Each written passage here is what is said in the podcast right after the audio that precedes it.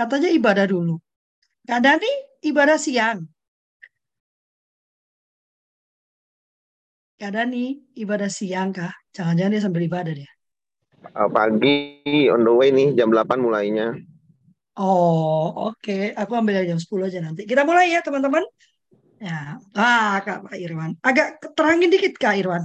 Uh, apa uh, cahaya di laptopnya. Biar kelihatan ganteng ya. Oke, kita mulai ya. Selamat pagi, sahabat suluh keluarga. Kita bertemu kembali dalam Kultur Parenting Pagi, edisi tanggal 7, hari Jumat, tanggal 7 April tahun 2023. Bagi sahabat-sahabat saya yang beragama Kristen, Kristen Katolik, saya mengucapkan selamat merayakan hari Jumat Agung ya. Nah, sayanya lupa malah kalau ini Jumat Agung sehingga saya adakan jam 7 sampai jam 8. Sebetulnya saya punya ibadah jam 7 sampai jam 9 pas banget kan. Nah, tapi karena sudah berjanji, Kak Fautri juga sudah bersedia, jadi saya memutuskan saya ibadahnya siang saja ya. Tidak apa-apa, Tuhan Yesusnya boleh kok ya. Dan pagi ini kita masuk kembali di bulan ini ke dalam topik besar berjudul skill kuadran. Bagi yang ber, baru bergabung, karena ini saya melihat banyak sekali terima kasih Kak Fautria.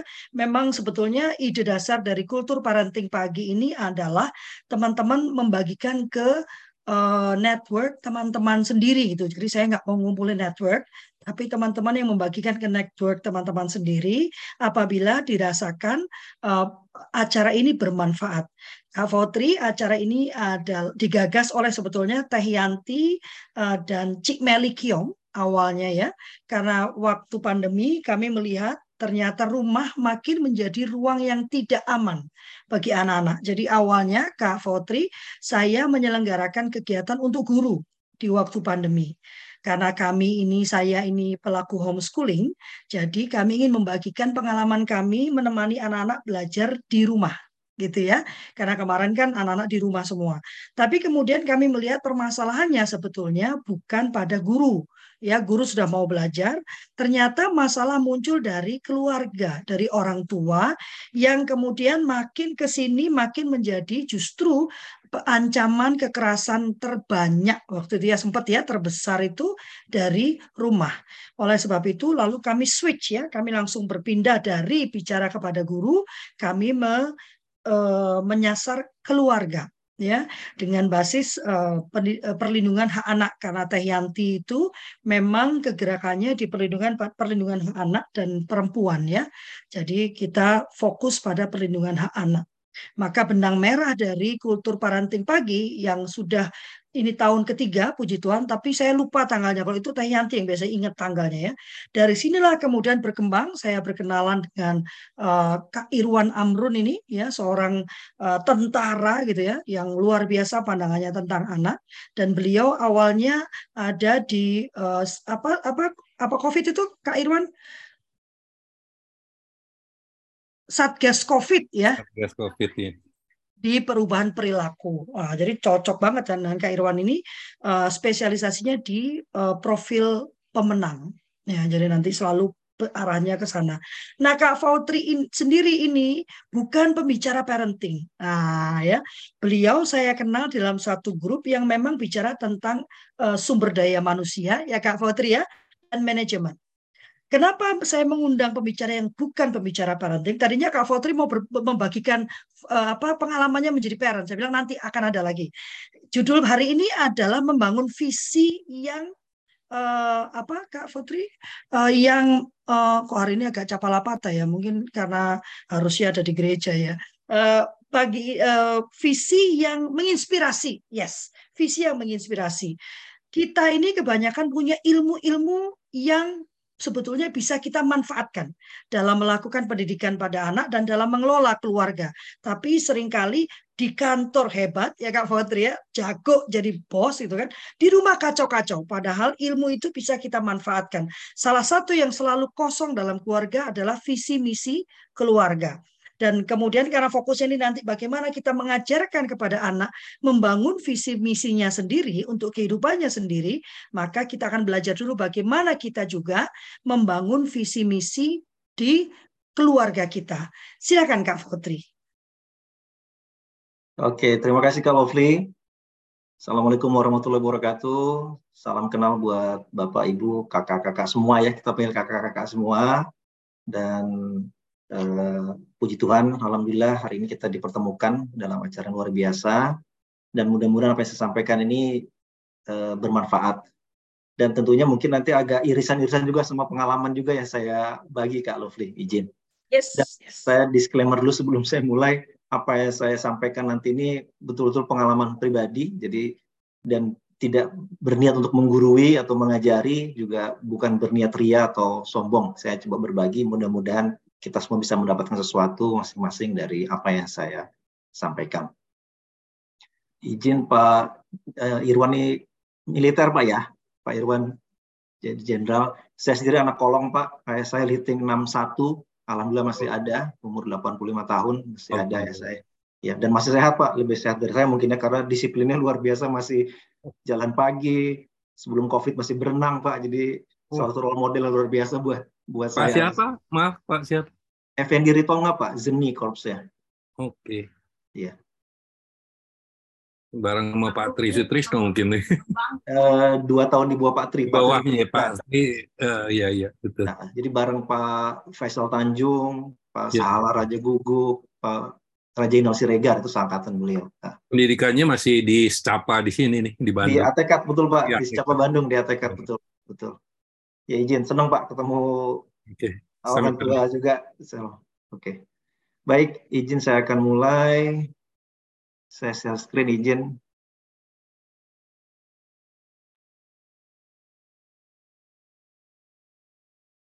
Sudah terlihat Kak Lovely izin?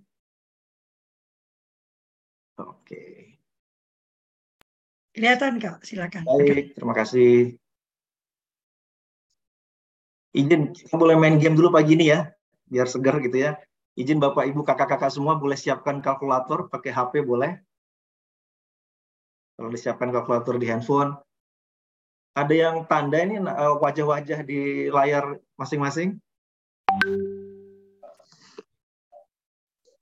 Yang paling bawah itu Pak Menteri kita, Menteri PU ya, Basuki. PR ya, Basuki.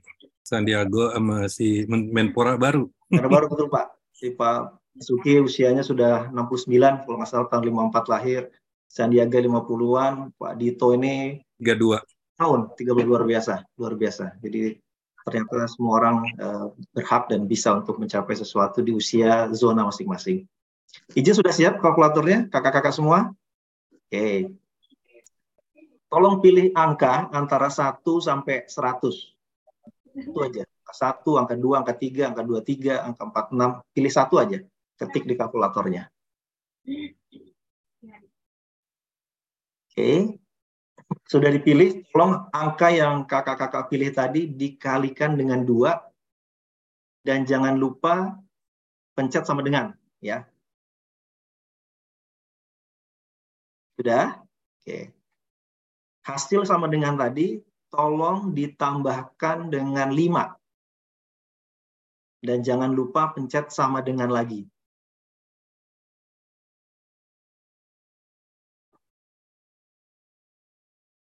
Lanjut, hasil sama dengan tadi, tolong dikali dengan 50.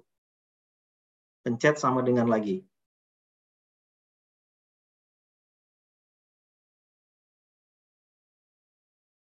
Oke. Selanjutnya, kakak-kakak yang hari ini, tanggal 7 April belum ulang tahun, tolong hasil sama dengan yang terakhir ditambahkan dengan 1772. Tapi kalau kakak-kakak sudah ulang tahun di 6 April, Maret, Februari, Januari, tolong ditambahkan 1773.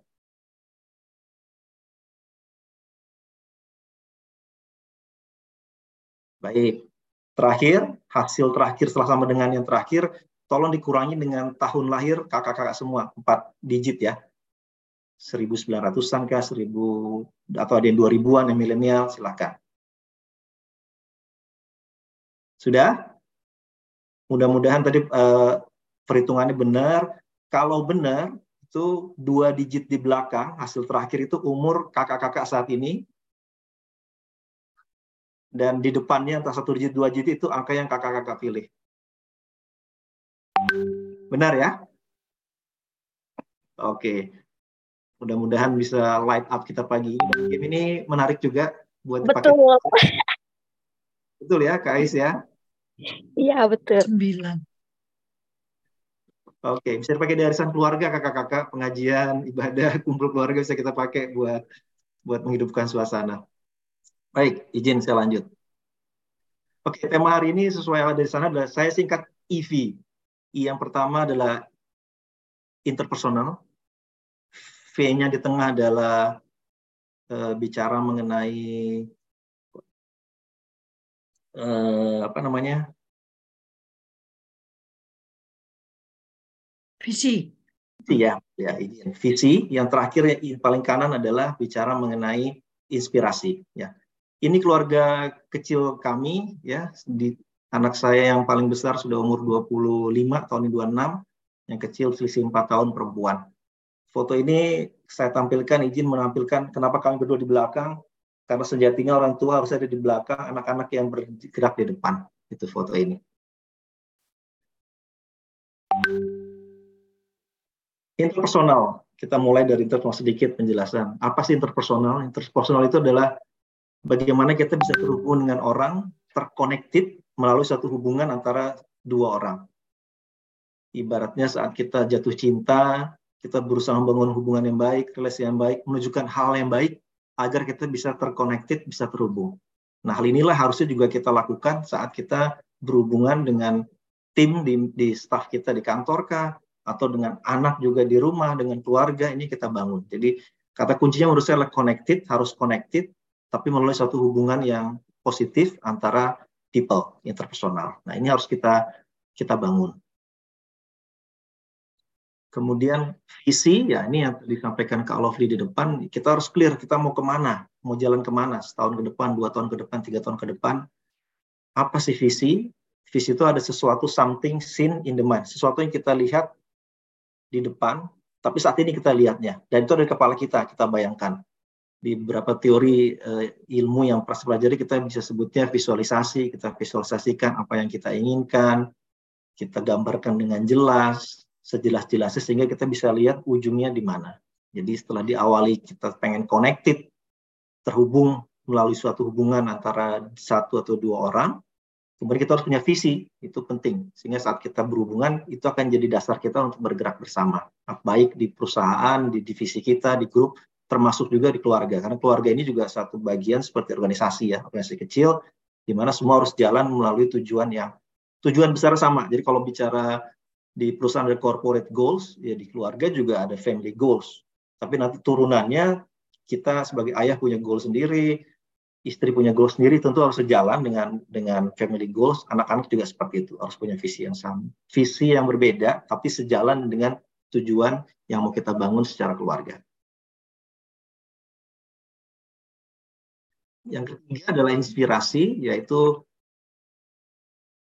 adalah sesuatu yang membuat kita atau tim kita atau anak kita atau keluarga kita mau bergerak melakukan sesuatu. Ya. Jadi sesuatu yang membuat orang mau bergerak, sesuatu yang membuat orang mau melangkah, sesuatu yang orang mau punya keinginan kuat untuk mencapainya. Nah, inspirasi bisa dari mana saja.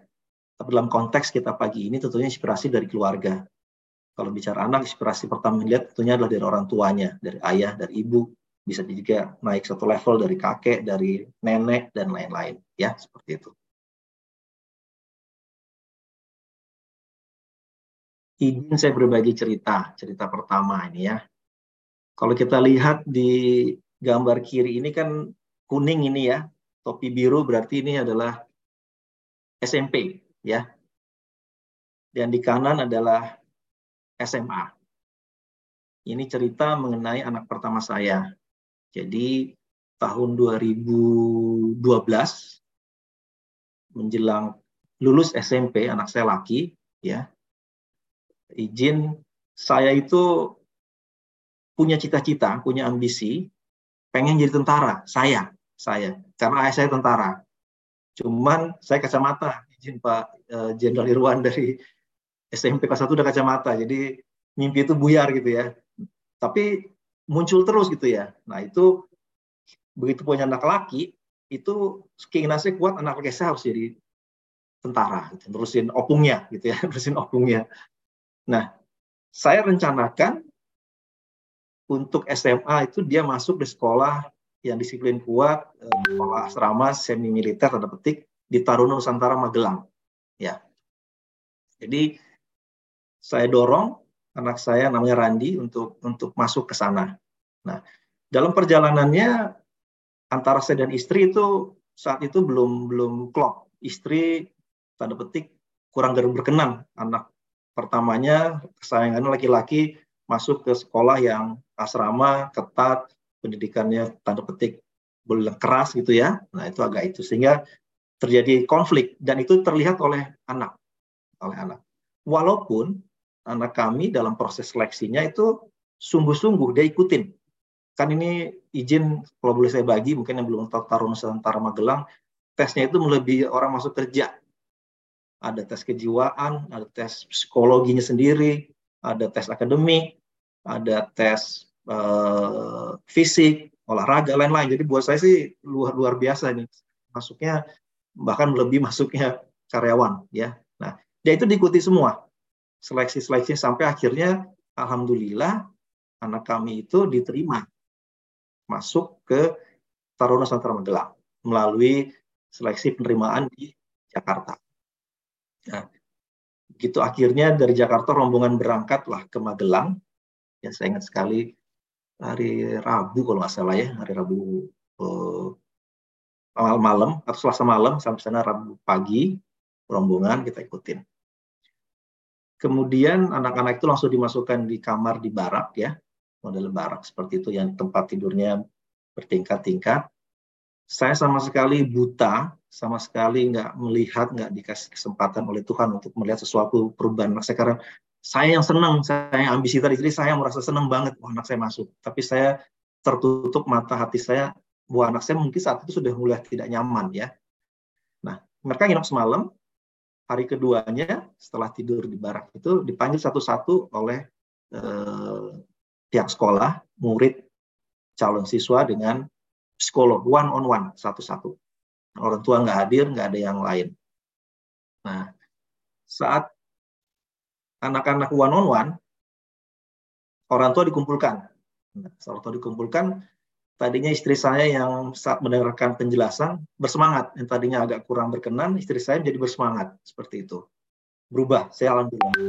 Tapi perubahan yang eh, sangat drastis ternyata adalah anak saya saat one on one, rupanya sekolahnya luar biasa pertanyaannya. Yang saya tanya berikutnya setelah kejadian adalah simple ditanya adalah siapa yang mau sekolah di sini? ke anak saya siapa yang mau sekolah ke sini? Dan apa yang dijawab anak saya? Dengan tegas ya saya dengar psikolognya berikutnya adalah ayah yang pengen ayah. Ayah yang pengen sekolah di sini bukan saya katanya. Dan akhirnya dalam suatu cerita itu perjalanan ini kami dipanggil, diskusi, kita coba yakinkan anak saya, dan saya nggak berhasil meyakinkan anak saya. Jadi kebayang gelonya saya, ambisi saya, senang anak saya diterima di sekolah yang menurut saya bisa buat dia menjadi lebih baik menurut saya. Ternyata dia nggak mau, gitu ya. jadi gelo. Ya ada kesel gitu ya. Itu bayangkan sekali situasi kita udah jauh-jauh jalan darat dari Jakarta ke Magelang, ternyata pada satu titik dia tidak bersedia akhirnya dua malam di sana setelah membujuk dan lain kami putuskan dan dia tidak mau kita balik ke Jakarta.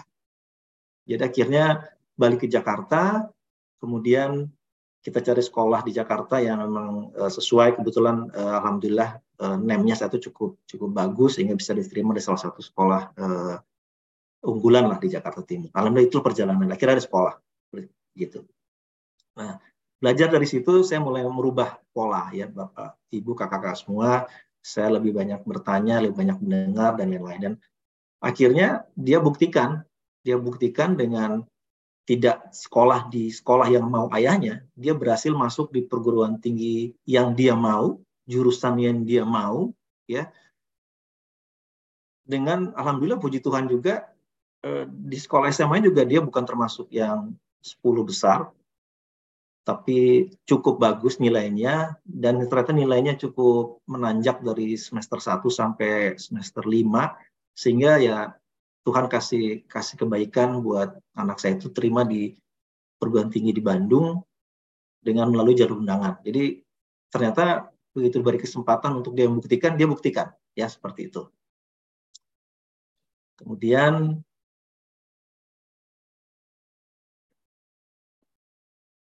Nah, ternyata pengalaman itu menunjukkan bahwa ambisi itu orang tua, ambisi saya tadi ceritanya adalah ternyata nggak nggak sama, nggak ber, atau berbeda dipandang menurut anak saya dan berseberangan ternyata. Dan juga ternyata ujungnya berbahaya karena saya tahu persis saat kita konflik di Magelang itu sempat agak ini agak konflik ya saya lihat dia stres. Jadi makanya kenapa saya putuskan saat itu saya ngalah. Saya nggak memaksakan dia sekolah di sana. Saya lihat berbahaya kalau dia sekolah di sana tiga tahun stres kejiwaannya terganggu malah nanti nggak potensinya nggak keluar penuh akhirnya saya putuskan bersama istri ya kita kembali kita cari sekolah di Jakarta. Jadi hati-hati dengan ambisi kita sebagai orang tua karena tidak selalu sama dengan apa yang diinginkan anak dan bisa jadi berseberangan dan ujungnya berbahaya. Ya berbahaya. Kalau sudah berbahaya kita udah nggak bisa pegang lagi tuh. Kalau udah keluar dari jalur kita kita mau ngasih influence sudah sulit. Nah alhamdulillah eh, kami dibukakan juga saat itu untuk untuk menerima kenyataan itu bahwa sekolah di mana saja sama. Yang penting kita kasih keleluasaan anak untuk mengejar cita-citanya. Ini foto hari Kamis 30 April. Alhamdulillah dia lulus sidang S2 ya di ITB Bandung dengan nilai-nilai memuaskan nilai A dan ini betul-betul impian dia gitu ya his dream ya dari saat masuk sekolah di SMA tadi yang tidak di SMA yang saya bapaknya mau tadi ya pengen kayak tentara tapi dia lalui dia bangun cita-citanya dia kejar dan dia capai. Ini salut jadi saya. Jadi saya belajar dari anak saya justru. Jadi jangan malu kalau kita orang tua atau pimpinan di perusahaan juga kita belajar dari tim kita dari anak kita. Bagaimana mereka menunjukkan mimpi menunjukkan eh, apa semangatnya dan luar biasa. Seperti itu. Ini cerita yang pertama. Cerita yang kedua ini anak saya yang kedua perempuan. Izin Pak Irwan ini ayah saya yang kanan Pak Effendi Ritonga dan ini ibu alam almarhumah meninggal 20 Oktober tahun lalu nah anak saya yang perempuan ini berbeda dengan yang laki. Jadi seperti tim juga di kantor itu kan beda-beda ya karakternya.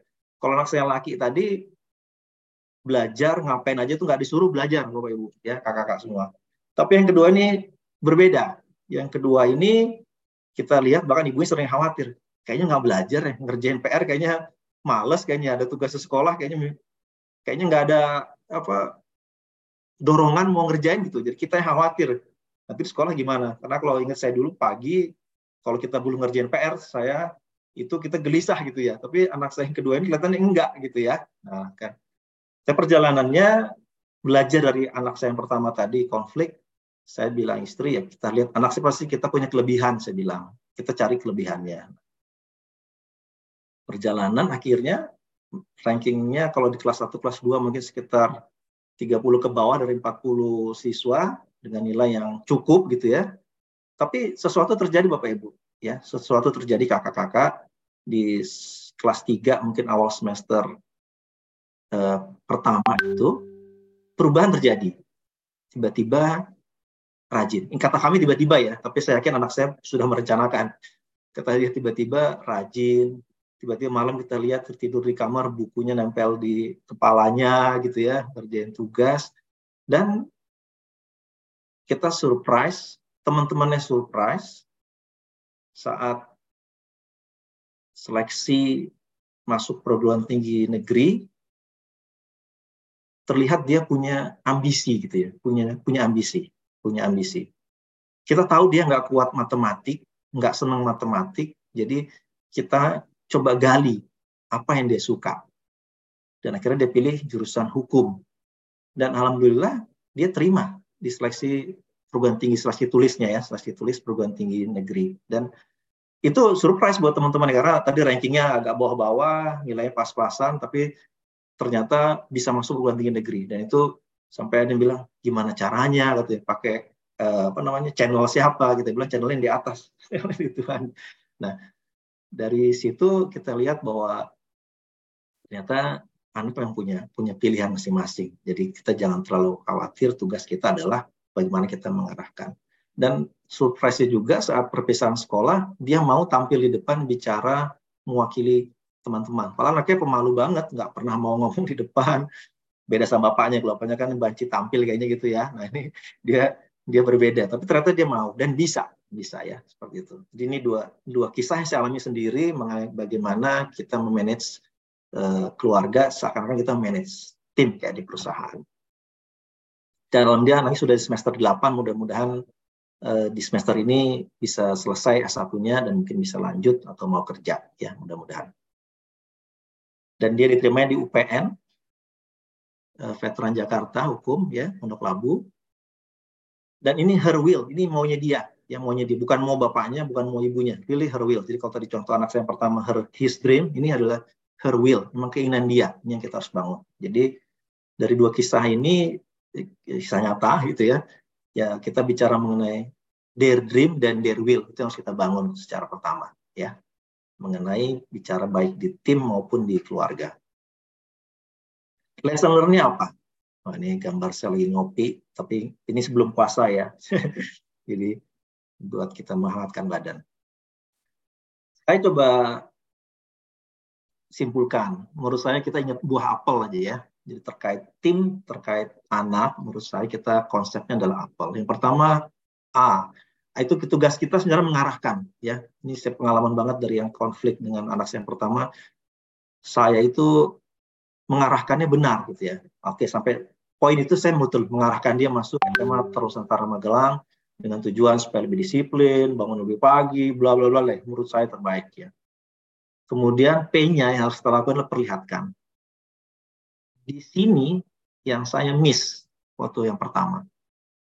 Kenapa saya bilang miss? Karena saya saat itu hanya mengarahkan, tapi saya nggak pernah mencoba berpikir mengajak anak saya melihat SMA Taro Nusantara Magelang itu sebelum dia ikut seleksi. Ya. Jadi mungkin harusnya di kelas 2 semester-semester awal saya ajak main ke Magelang, lihat sekolahnya, lihat baraknya, lihat kamar supaya dia nggak kaget dan punya bayangan. Ya, ini saya nggak lakukan. Ya, mungkin berbeda kalau itu saya lakukan, mungkin dia bisa bisa bisa jadi mau sekolah di sana ya. Jadi menurut saya setelah kita arahkan kita harus ajak anak kita lihatin apa yang kita mau arahkan gitu ya. Mimpinya kita apa, kita tunjukkan, kita lihatkan.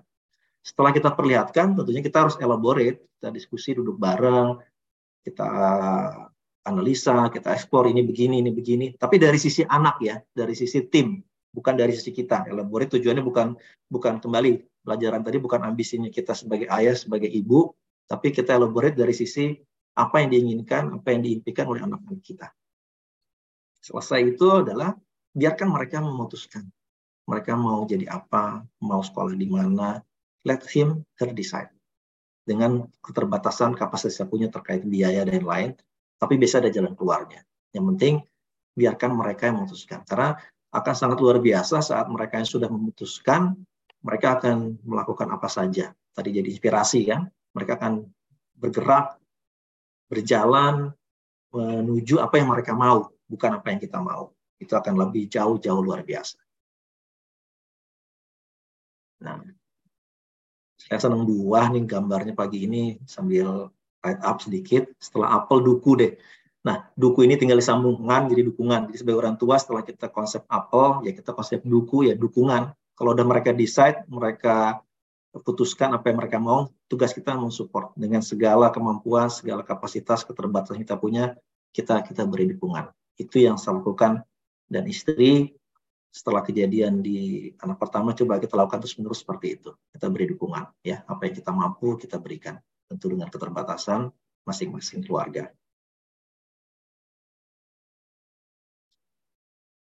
Kemudian eh, pelajaran berikutnya yang mudah-mudahan bisa diimplementasikan eh, juga oleh kakak-kakak semua. Yang saya, saya alami khususnya di anak kedua tadi adalah kita APD.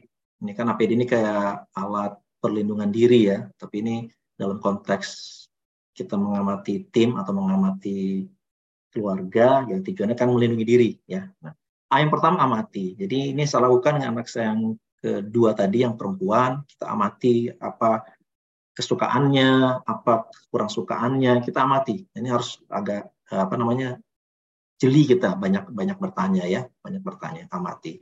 Kemudian P-nya pelajari, kita pelajari benar. Kayak yang kedua, dia nggak suka banget matematik, menghindar. Nah, setelah kita tahu betul-betul dia nggak suka, nah kita diskusi saat menentukan, contoh tadi menentukan masuk perguruan tinggi, kita cari apa sih yang benar-benar matematiknya sangat-sangat minim sehingga saat dia kuliah nanti dia mau all out, dia mau terinspirasi untuk memberikan terbaik karena ini keputusan dia, bukan keinginan dia, bukan kita yang mau, bukan mimpinya orang tuanya. Diskusi. Balik ke contoh anak saya kedua, kita amati, ternyata dia nggak suka matematik, kita pelajari kenapa nggak suka, memang memang nggak suka gitu ya. Nilainya kita lihat juga sangat-sangat uh, cukup gitu ya sehingga sulit untuk bersaing matematik. Dan kita diskusi ketemulah cari jurusan hukum tinggal cari universitasnya. Dan puji Tuhan begitu hukum sampai sekarang menjelang lulus ya, ya lagi-lagi surprise buat teman-temannya surprise buat kami juga. Ternyata IPK-nya luar biasa di tinggi sekali gitu ya dan dia betul-betul all out untuk di situ tanpa kita suruh-suruh lagi itu yang salah satu yang kami merasa sangat sangat uh, apa namanya bahagia gitu ya dengan melakukan APD ini dia mau berjuang sendiri bergerak untuk untuk kebaikan dia. Nah, kakak-kakak semua skill apa sih setelah kita lesson yang mungkin dari sisi pengalaman saya yang kita bisa coba praktekkan. Mudah-mudahan cocok, tapi eh, silahkan dicoba gitu ya. Menurut saya adalah active listening yang pertama ya. Kita dengerin tapi nggak sekedar dengerin ya. Kalau ini dari salah satu Cambridge uh, Dictionary dia bilang active listening adalah bagaimana kita melatih menyiapkan diri untuk mendengarkan. Dan mendengarkan itu bukan hanya kuping yang dipakai tapi juga observing verbal non verbal pesan yang harus disam, yang tersampaikan.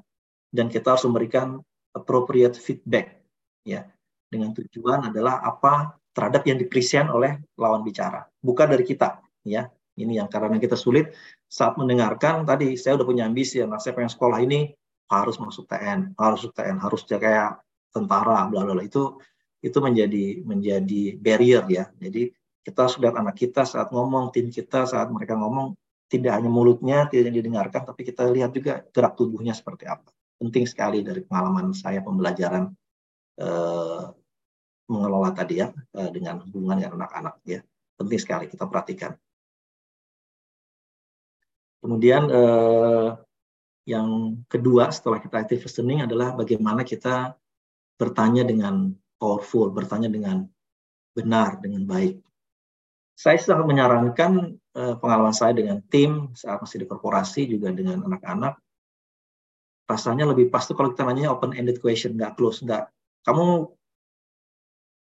eh, apa cocok nggak ini? Pasti jawabannya iya atau tidak. Itu kita coba hindari. Kita upayakan kita open end question. Jadi bagaimana menurut kamu, apa yang kamu lakukan, nanti di slide berikutnya kita akan lihat. Jadi dengan open end question ini kita akan memberikan kesempatan orang untuk memberikan jawaban terbuka, jawaban bebas versi dia. Nah itu yang penting ya. Kata kuncinya jawaban terbaik versinya tim kita, versinya anak kita. Itu yang harus kita sampaikan dalam pikiran kita bahwa tujuan kita bertanya bukan mau mengatur, tujuan bertanya kita bukan untuk marah-marah, tapi tujuan kita untuk menggali. Itu yang menurut saya dari pengalaman sangat-sangat uh, membantu, sangat-sangat powerful. Ya.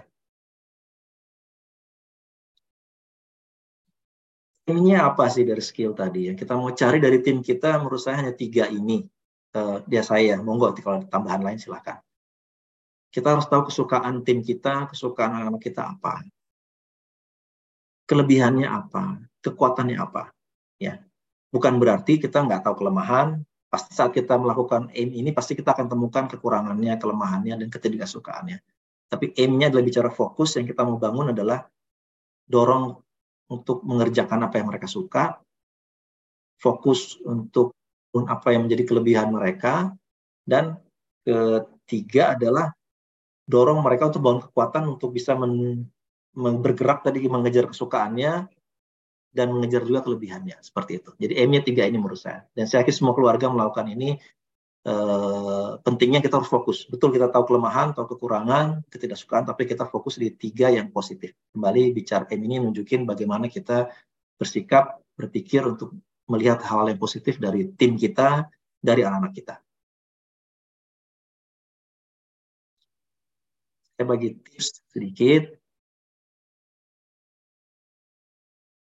Kita bicara dengan tim, saat bicara dengan anak, dari pengalaman saya, dari keberhasilan kegagalan yang saya pernah alami, sangat saya rekomendasikan kita fokusnya bicaranya ke you. You itu anak kita, you itu tim kita ya. Itu fokusnya di situ. Saat kita bicara dengan mereka, fokus bukan fokus ke kita. Tadi jangan fokusnya ke maunya kita, tapi fokusnya ke mereka ya. Kemudian bangun selalu environment lingkungan yang positif dari perkataan kita, dari body gesture kita, dari mimik kita, kita selalu upayakan yang positif. Dan buat mereka nyaman, gitu ya. Dan contohnya yang pertanyaan terbuka tadi, buat mereka nyaman, ya. Kalau udah nggak nyaman, nanti lari dari rumah, cari orang tua lain di luar, gitu ya. Itu yang sangat-sangat saya, kalau dalam doa-doa saya sama istri, kita pengen ya anak-anak tuh deket sama kita, betah di rumah, walaupun ada kegiatan di luar, sehingga mereka nggak nggak mencoba mencari orang tua kedua, orang tua ketiga di luar sana, ya. Dan yang keempat menurut saya yang harus kita bangun adalah jadikan dia partner, ya. Mungkin berbeda kalau saya cerita. Dulu zaman saya kecil sih, kalau ayah saya bilang A, saya sih ikut aja, apalagi ayah militer ya. Senyum aja susah waktu itu Pak. Imran ayah saya ketemu anak itu susah banget. Nah ini perubahan berbeda. Dan militer sekarang saya juga berubah berbeda. Lebih humanis lain-lain. Jadi kita harus bermitra dengan dengan tim kita dengan anak kita. Sering ajak ngobrol sering didengerin itu menurut saya sangat sangat powerful ya jadi udah nggak zaman dulu seperti dulu ya tadi kalau balik ke saya ayah saya bilang sekolah di sini sekolah bikin ini bikin kita udah nggak nggak ada pikiran untuk bilang enggak atau nanya kenapa sih harus dikerjain udah nggak ada tapi sekarang anak sekarang sangat kritis mereka bertanya Kenapa sih? Ya gitu ya. Harus kita kerjain sekarang. Kenapa nggak yang lain? Kenapa saya ngerjain? Kenapa nggak yang lain? Kenapa nggak si kakak, nggak si adiknya? Ini. Jadi bangunlah keempat hal ini, fokus pada mereka, pada you, you-nya itu Anda, Anda semua yang lawan bicara kita, apakah anak tim, bangun suasana positif, selalu buat nyaman, dan konsepkan adalah kita berpartner dan mitra. Lanjut sedikit saya jelaskan peran kita salah satu sebagai orang tua adalah sebagai coach, coach ya. Jadi eh, sebagai orang tua coba kita lihat pendekatan coaching yang kita bisa gunakan dalam eh, diskusi bicara dengan putra putri kita atau dengan tim kita juga di kantor misalnya ya. Benefit coaching apa sih? Ini saya eh, kutip dari ICF International uh, Coach Federation ya. Jadi mereka melakukan riset dan hasilnya kalau kita melakukan proses coaching itu bisa dalam dua payung besar, bisa yang pertama meningkatkan produktivitas dan yang kedua bisa membuat orang jauh lebih positif ya. Di yang pertama payung pertama produktivitas meningkat itu bisa diukur saat itu dari resultnya ternyata menunjukkan bahwa kinerja work performance itu sampai 70% bisa kecapai. Kemudian bisnis manajemen pengelolaannya ada di 61 persen. Pengelolaan waktu juga meningkat di angka 57 persen. Dan effectiveness team, berarti ada teamwork di situ, itu juga di angka yang cukup signifikan, 51 persen. Jadi ini suatu benefit. Kemudian manfaat yang di payung kedua, di positif, membuat orang positif, itu ternyata self confidence, apakah itu putra putri kita, apakah tim kita itu ada di level yang cukup tinggi, 80 persen. Kemudian tadi bicara ada interpersonal, hubungan connected relationship, ini improve juga di 73 persen. Dan komunikasi bagian dari bagaimana kita berlakukan interpersonal tadi juga ada di 72 persen. Dan ujungnya terjadilah ditunjukkan oleh hasil ini life work balance-nya itu cukup signifikan juga di 67 persen. So berangkat dari sini hasil riset ini ya mungkin nggak ada salahnya kita akan coba gimana sih kita melakukan pendekatan proses coach atau coaching dengan di keluarga misalnya dengan putra putri kita dengan pasangan kita kita kita bisa lakukan seperti itu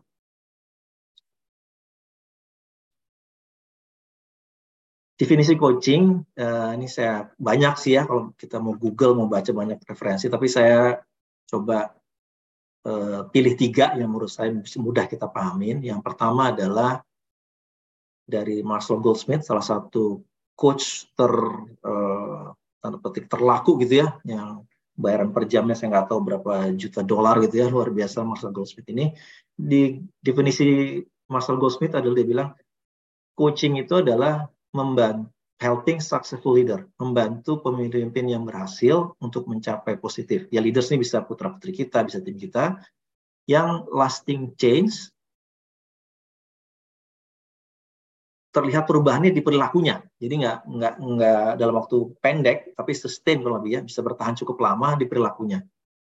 Dan itu menunjukkan di diri mereka sendiri bisa berubah, akan ditiru jadi inspirasi people dan tim mereka. Jadi itu definisinya coaching membantu leaders untuk menjadi sukses melalui cara-cara yang positif dan lebih sustain jangka panjang dan itu bisa kelihatan dari perilakunya. Kemudian John Whitmore juga salah satu coach terkenal juga disampaikan coaching adalah bagaimana kita unlock potensi people, jadi membuka, mengeluarkan potensi yang dimiliki anak kita, tim kita untuk memaksimalkan kinerjanya, memaksimalkan prestasinya, melalui coaching. Kemudian ICF sendiri punya definisi adalah bermitra dengan anak, dengan putra-putri kita, bermitra dengan tim kita melalui provoke, cara bertanya provoke yang kita tanyanya challenging di situ ya. Kita tanya challenge, tanya uh, open-ended question. Melalui suatu proses yang kreatif yang kita berharap itu menginspirasi ya masih relate dengan judul kita menginspirasi mereka untuk mengeluarkan potensi terbaiknya demi kinerja yang terbaik lebih itu ya. Jadi tiga ini menurut saya sangat-sangat uh, relate membantu orang membantu putra putri untuk mencari positif tapi uh, lasting change perilakunya bisa kita lihat berubah cukup panjang maksudnya bertahan cukup lama dan ujungnya potensi bisa terbuka sehingga mereka bisa mengeluarkan menghasilkan kinerja kontribusi yang maksimal optimal dan lain-lain saya ingin sharing beberapa magic question dari coaching ya. Kalau kita lihat di sini dari empat pertanyaan ini ya, ini fokusnya kan nanyanya what do you, what is happening, what could you do. Kata you hampir semua ada you. Jadi fokusnya pertanyaannya bukan bukan apa yang menurut kita, tapi menurut anak kita, menurut putra putri kita, menurut tim kita. What do you want? Nah ini saya nggak tanya dulu waktu ke anak saya yang pertama, saya nggak nanya ini. Saya bilang kamu harus masuk TN, sekolah terbaik di Indonesia kalau lulusan TN terima di perguruan tinggi negeri mana aja wow jadi saya itu saya bangun terus tapi saya nggak pernah tanya apa sih yang kamu mau? Nah ini magic question menurut saya what do you want? Ya. Mungkin nggak bisa sekali tanya tapi kita harus lakukan berkali-kali ya berulang. Karena biasanya anak-anak pengalaman saya juga saat kita tanya pertama ini agak bingung bapaknya kok jadi begini ya sekarang ya? Apa nah kita harus ulang cari situasi lain. Jangan dipaksa juga saat bertanya ini jangan dipaksa menjawab saat itu ya. Dengan magic question ini kita ulang lagi besoknya minggu depan ya tanya lagi mas apa sih yang terjadi? Ya what is happening? Ya dengan kamu misalnya saat nilainya turun ya kita tanya seperti itu what is happening? Bukan kita marahin apa namanya kok merah ya? Kemarin dapat sembilan saya dapat lima. Oh, langsung dimarahin. Ya kita awali dengan pertanyaan apa sih yang terjadi? Ya seperti itu. Setelah itu kita tanya juga what could you do? Kita tanya apa yang kamu bisa lakukan supaya nilai naik lagi contohnya? Gitu ya. Kembali fokusnya ke dia, bukan bukan kita. What will you do? Nah, setelah kita tahu apa yang mereka melakukan, what will you do? Apa juga yang kamu akan lakukan, ya. Jadi ini magic question 4 yang menurut saya sangat-sangat uh, simple tapi bisa diulang-ulang dengan dengan pemilihan kata yang bisa kita sesuaikan dengan bahasa di rumah itu silakan. Tapi konsepnya adalah kita fokus ke tim dengan putra putri kita dan bangkitkan tadi provoke uh, tautnya dari dia bukan kita. Jadi kalau dia what could you do ya dari dia what will you do dari dia gitu ya seperti itu kemudian dengan open ended question berikutnya magic questionnya kita what else? Apalagi yang kau mau gitu kan. Dibilang cerita kejadian ini pak gurunya ini nih apalagi nyebabin kamu ini? Terus saya kita gali. Jadi kita nggak pernah mengupayakan jangan memberikan pertanyaan tertutup. Jadi tell me more. What do you mean? Apa yang kamu maksud dengan gurunya kamu sebel gitu ya? Ya. Nah, menarik saat ini kalau saya boleh sharing sedikit lagi, anak saya yang kedua itu ada satu guru di sekolahnya, itu yang sangat-sangat menurut anak-anak sangat-sangat strength, pushy saat memberikan tugas. Tapi kita gali what do you by? Apa yang menurut kamu nggak suka dari guru itu? Caranya apa setelah kita gali akhirnya ketemu bahwa nggak suka dengan tugas-tugasnya. Tapi dengan cara berbalik kita jelaskan ke anak-anak itu kita kumpulin dan itu orang tua kita yang bantu bantu sekolah ya. Jadi penting tanpa orang tua bantu sekolah kita balikan bahwa apa yang disampaikan guru itu tugas itu akan memberikan kemudahan kita tunjukkan dengan cara akan memberikan kemudahan saat anda di perguruan tinggi. Dan terbukti anak yang di SMA-nya itu Contohnya di kelas anak saya itu yang guru wali kelas sangat cukup cukup keras untuk tugas ya, bukan bukan keras kasar, tugas. Dan kita gali what do terbuka. Dan itu ngebantu sekali saat mereka nyusun skripsi itu ternyata dibanding teman-temannya yang dulu santai-santai nggak mau ngerjain tugas ternyata dipaksa mereka naik level di SMA untuk kerjakan sesuatu seperti buat tes skripsi saat itu tapi terjadi tapi itu kita gali pertama what do you mean by what's happening dan lainnya Terus what makes important to you? Kenapa sih penting buat tugas seperti skripsi? Kita tanya, itu dari mereka dulu kita gali ya, seperti itu. Terus apa positif impact difference-nya kalau ini kejadian seperti itu? Ya, ini beberapa hal pertanyaan kita bisa bisa gunakan untuk menggali, mengeluarkan potensi putra putri kita dan tim kita. Kemudian lanjutnya ada what do you feel, apa yang kamu rasakan, kita pengen empatinya kita dengerin, kita dapetin, what do you think, apa sih awareness-nya, insight-nya apa, kamu belajar dapat pelajaran apa nih dari uh, semester ini atau ikut kegiatan ini, ikut kegiatan apa ya. Terus apa yang kamu akan lakukan ya. Ini beberapa pertanyaan magic question menurut saya cukup cukup bisa kita gunakan dan powerful ya. Izin menjelang YouTube saya akan share video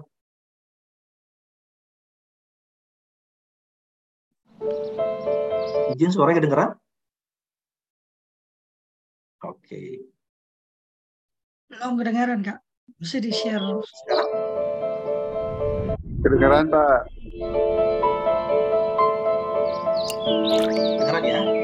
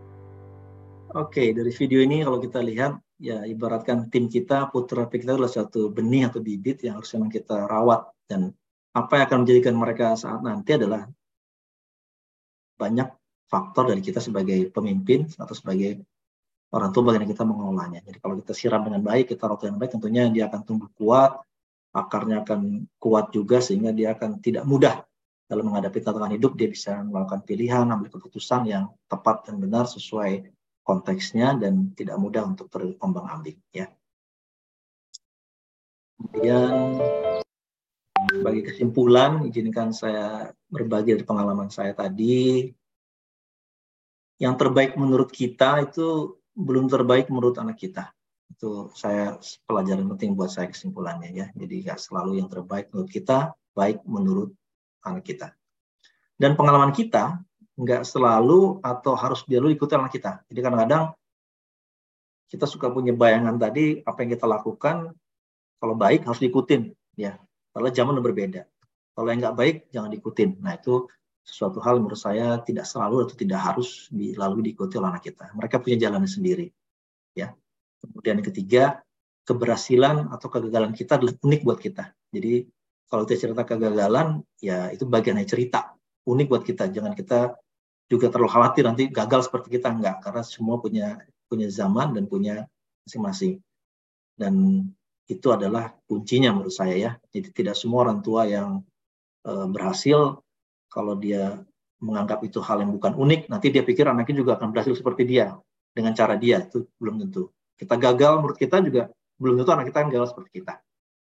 Jadi tiga ini menurut saya kalau dipegang, terbaik menurut kita belum tentu terbaik menurut anak kita. Pengalaman kita yang kedua itu tidak selalu atau harus diikuti oleh anak-anak kita dan keberhasilan jalan kita adalah unik buat kita semua setiap orang punya uh, porsi keberhasilan dalam masing-masing. Terima kasih, semoga bermanfaat dan jika ada mau pertanyaan dan jika saya bisa jawab dengan senang hati saya coba menjawab. Assalamualaikum warahmatullahi wabarakatuh. Saya kembalikan ke Kak Lovely. Terima kasih Kak Fautri. Wah, uh, apa uh, ini ya uh, saya belum bercerita empat prinsip perlindungan anak, Kak Fautri tanpa sadar menjelaskan keempat oh. prinsip tersebut ya, utamanya di prinsip ketiga dan prinsip keempat, kepentingan terbaik bagi anak, lalu hak untuk berbicara dan didengarkan ya.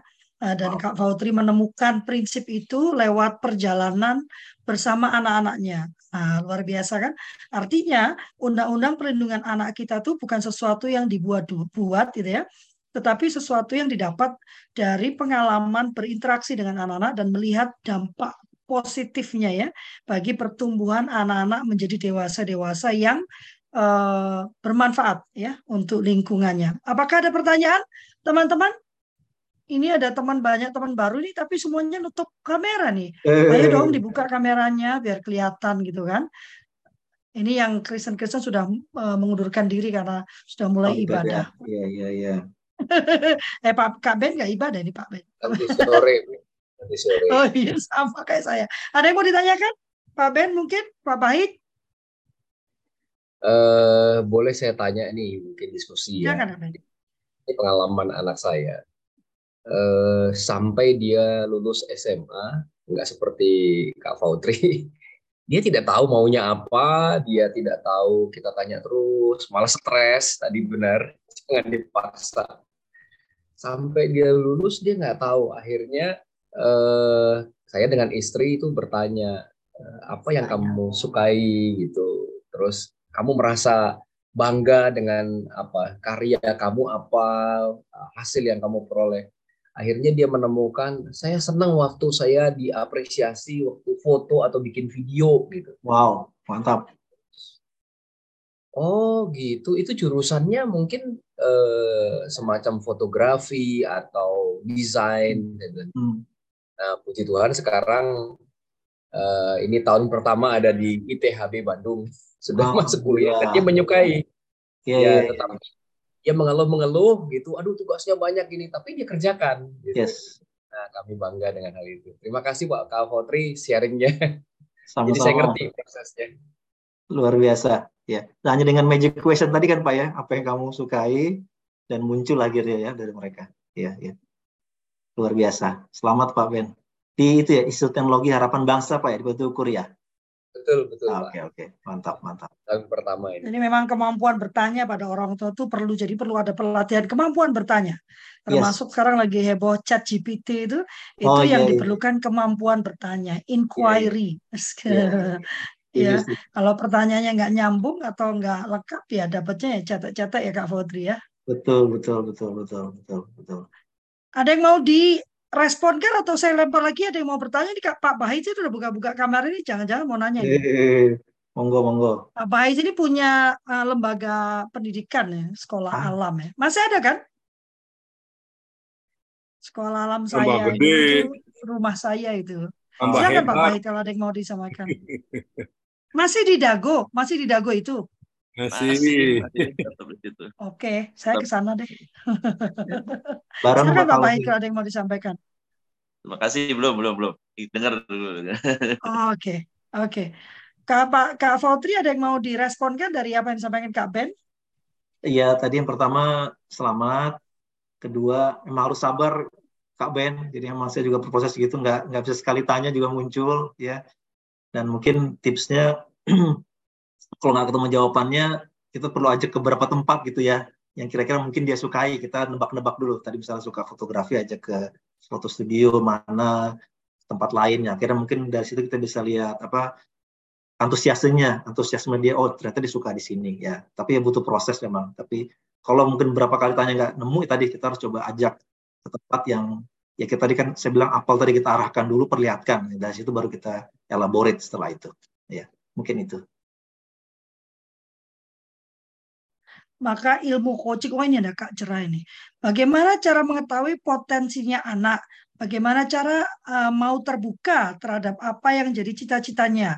Apa banyak banget sih pertanyaan. Apa dampaknya kalau orang tua memaksakan kehendak yang tidak sesuai passionnya? Okay. Jadi bagaimana cara tahu potensinya? Bagaimana yeah. membuat anak bisa terbuka? Terus dampaknya kalau orang tua itu memaksakan kehendak? Iya iya iya oke. Yang pertama mungkin pengen tahu dulu kalau pengalaman saya sependek yang saya alamin pertama tentu lihat hobinya dulu ya. Saya lihat kesukaan dia apa tuh hobinya senang olahraga senang apa. Kayak anak saya yang pertama senangnya dulu nonton Discovery Channel senangnya laut-laut gitu ya.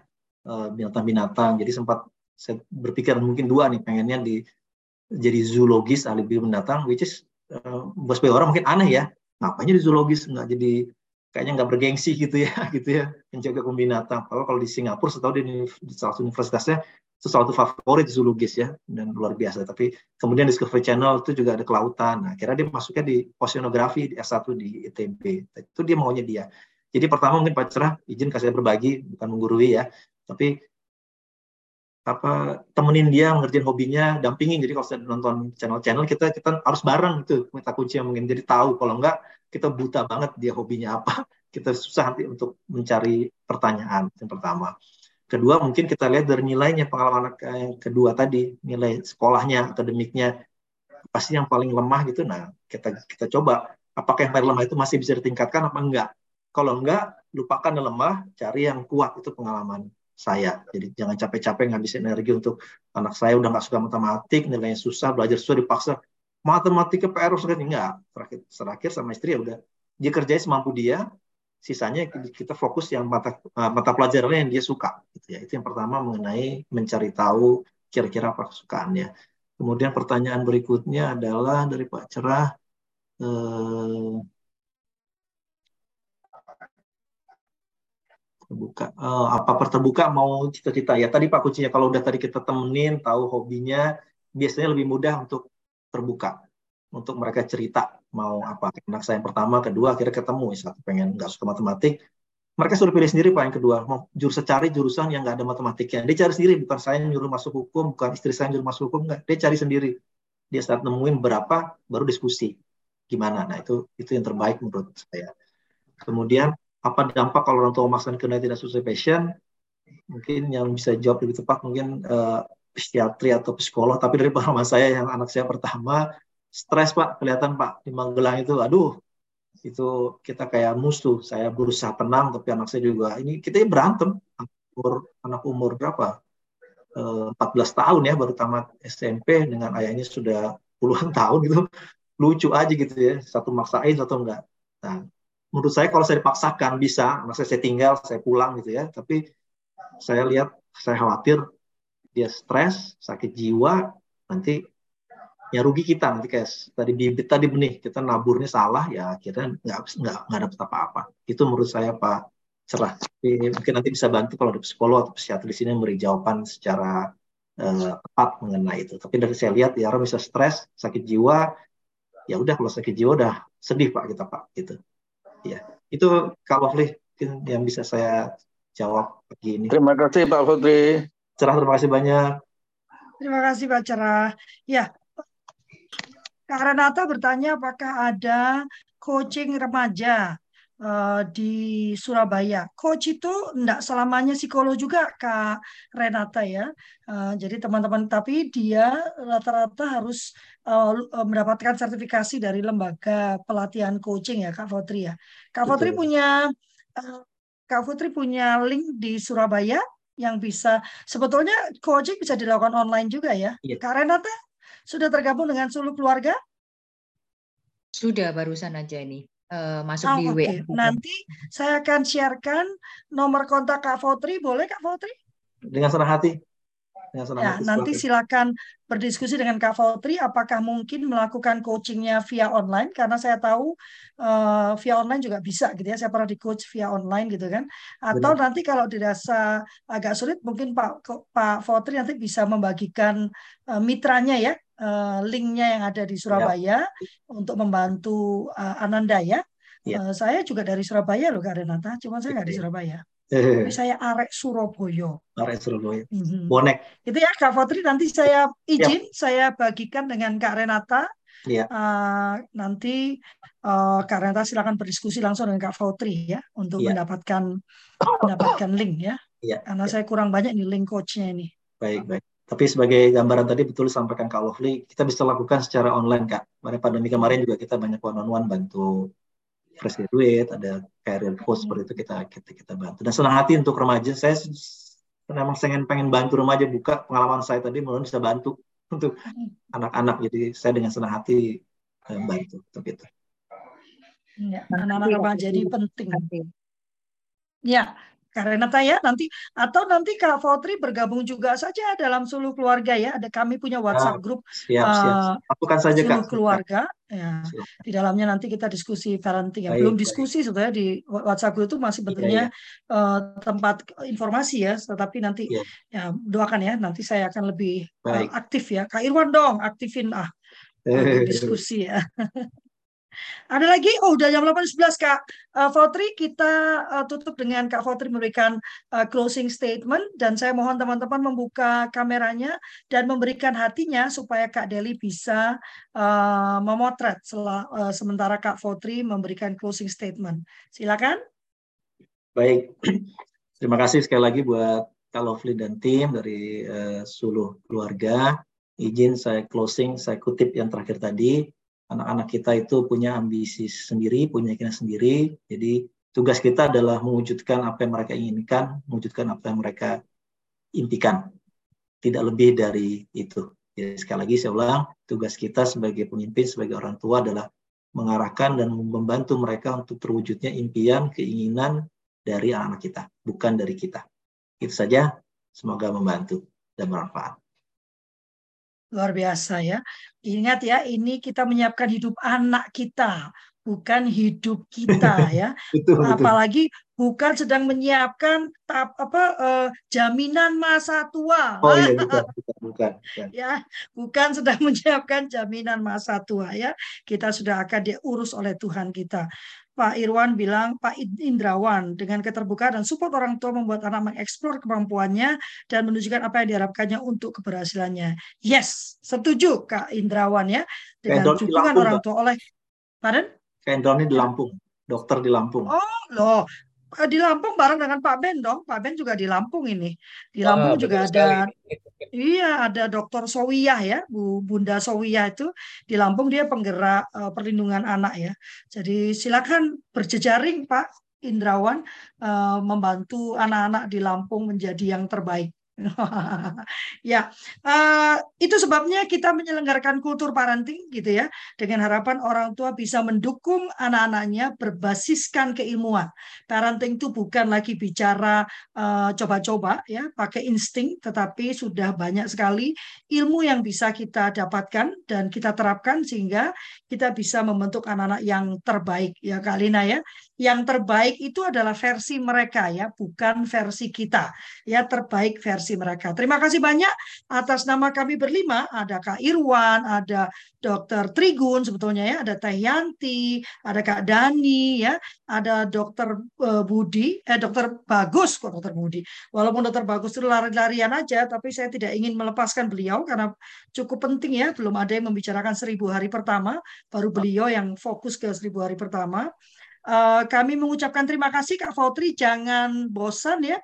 Nanti kalau ada tema yang saya mau minta tolong lagi, mohon eh, Monggo. kesediaannya gitu ya. Uh, siap. dan juga kesediaannya membagikan kalau dirasa ini memang perlu Kak Fautri membagikan kepada jaringannya. Dan uh, kami juga memohon maaf yang sebesar-besarnya apabila ada pernyataan, perkataan, sikap, gestur yang kurang berkenan. Kami tidak ingin memojokkan, kami tidak ingin merendahkan, kami tidak ingin menghakimi. Bahkan seperti Kak Fautri tadi kan sampaikan, bukan bermaksud menggurui, Kami hanya membagikan apa yang menjadi keyakinan kami. Saya nggak banyak membicara karena tadi Kak Fotri tanpa sadar mengutip semua eh, prinsip-prinsip hak Oh. anak gitu ya. Eh, dan dan apa yang kami coba kerjakan di dalam kehidupan kami sehari-hari. Terima kasih banyak. Selamat eh, long weekend ini ya, libur panjang ini kan Jumat, Sabtu, Minggu ya. Eh, wassalamualaikum warahmatullahi wabarakatuh. Tuhan memberkati. Amin. Amin. Terima kasih. Pak Teguh Selamat juga pagi. Pak Teguh juga anak tentara nih jadi Oh pendidik. gitu. Oke, sama gitu sama anak kolong Pak ya. Siapa? Kasih izin lab. Ya, silakan Ibu. Terima kasih Kak Lis. Nanti Terima Pak kasih, Kak Bahit saya mau Dian. mampir di Dago Pak. Nah, Oh, perlu mau mampir di Dago. bareng sama saya nanti. Kak Febri- alam. Kak Febri nggak usah diajakin.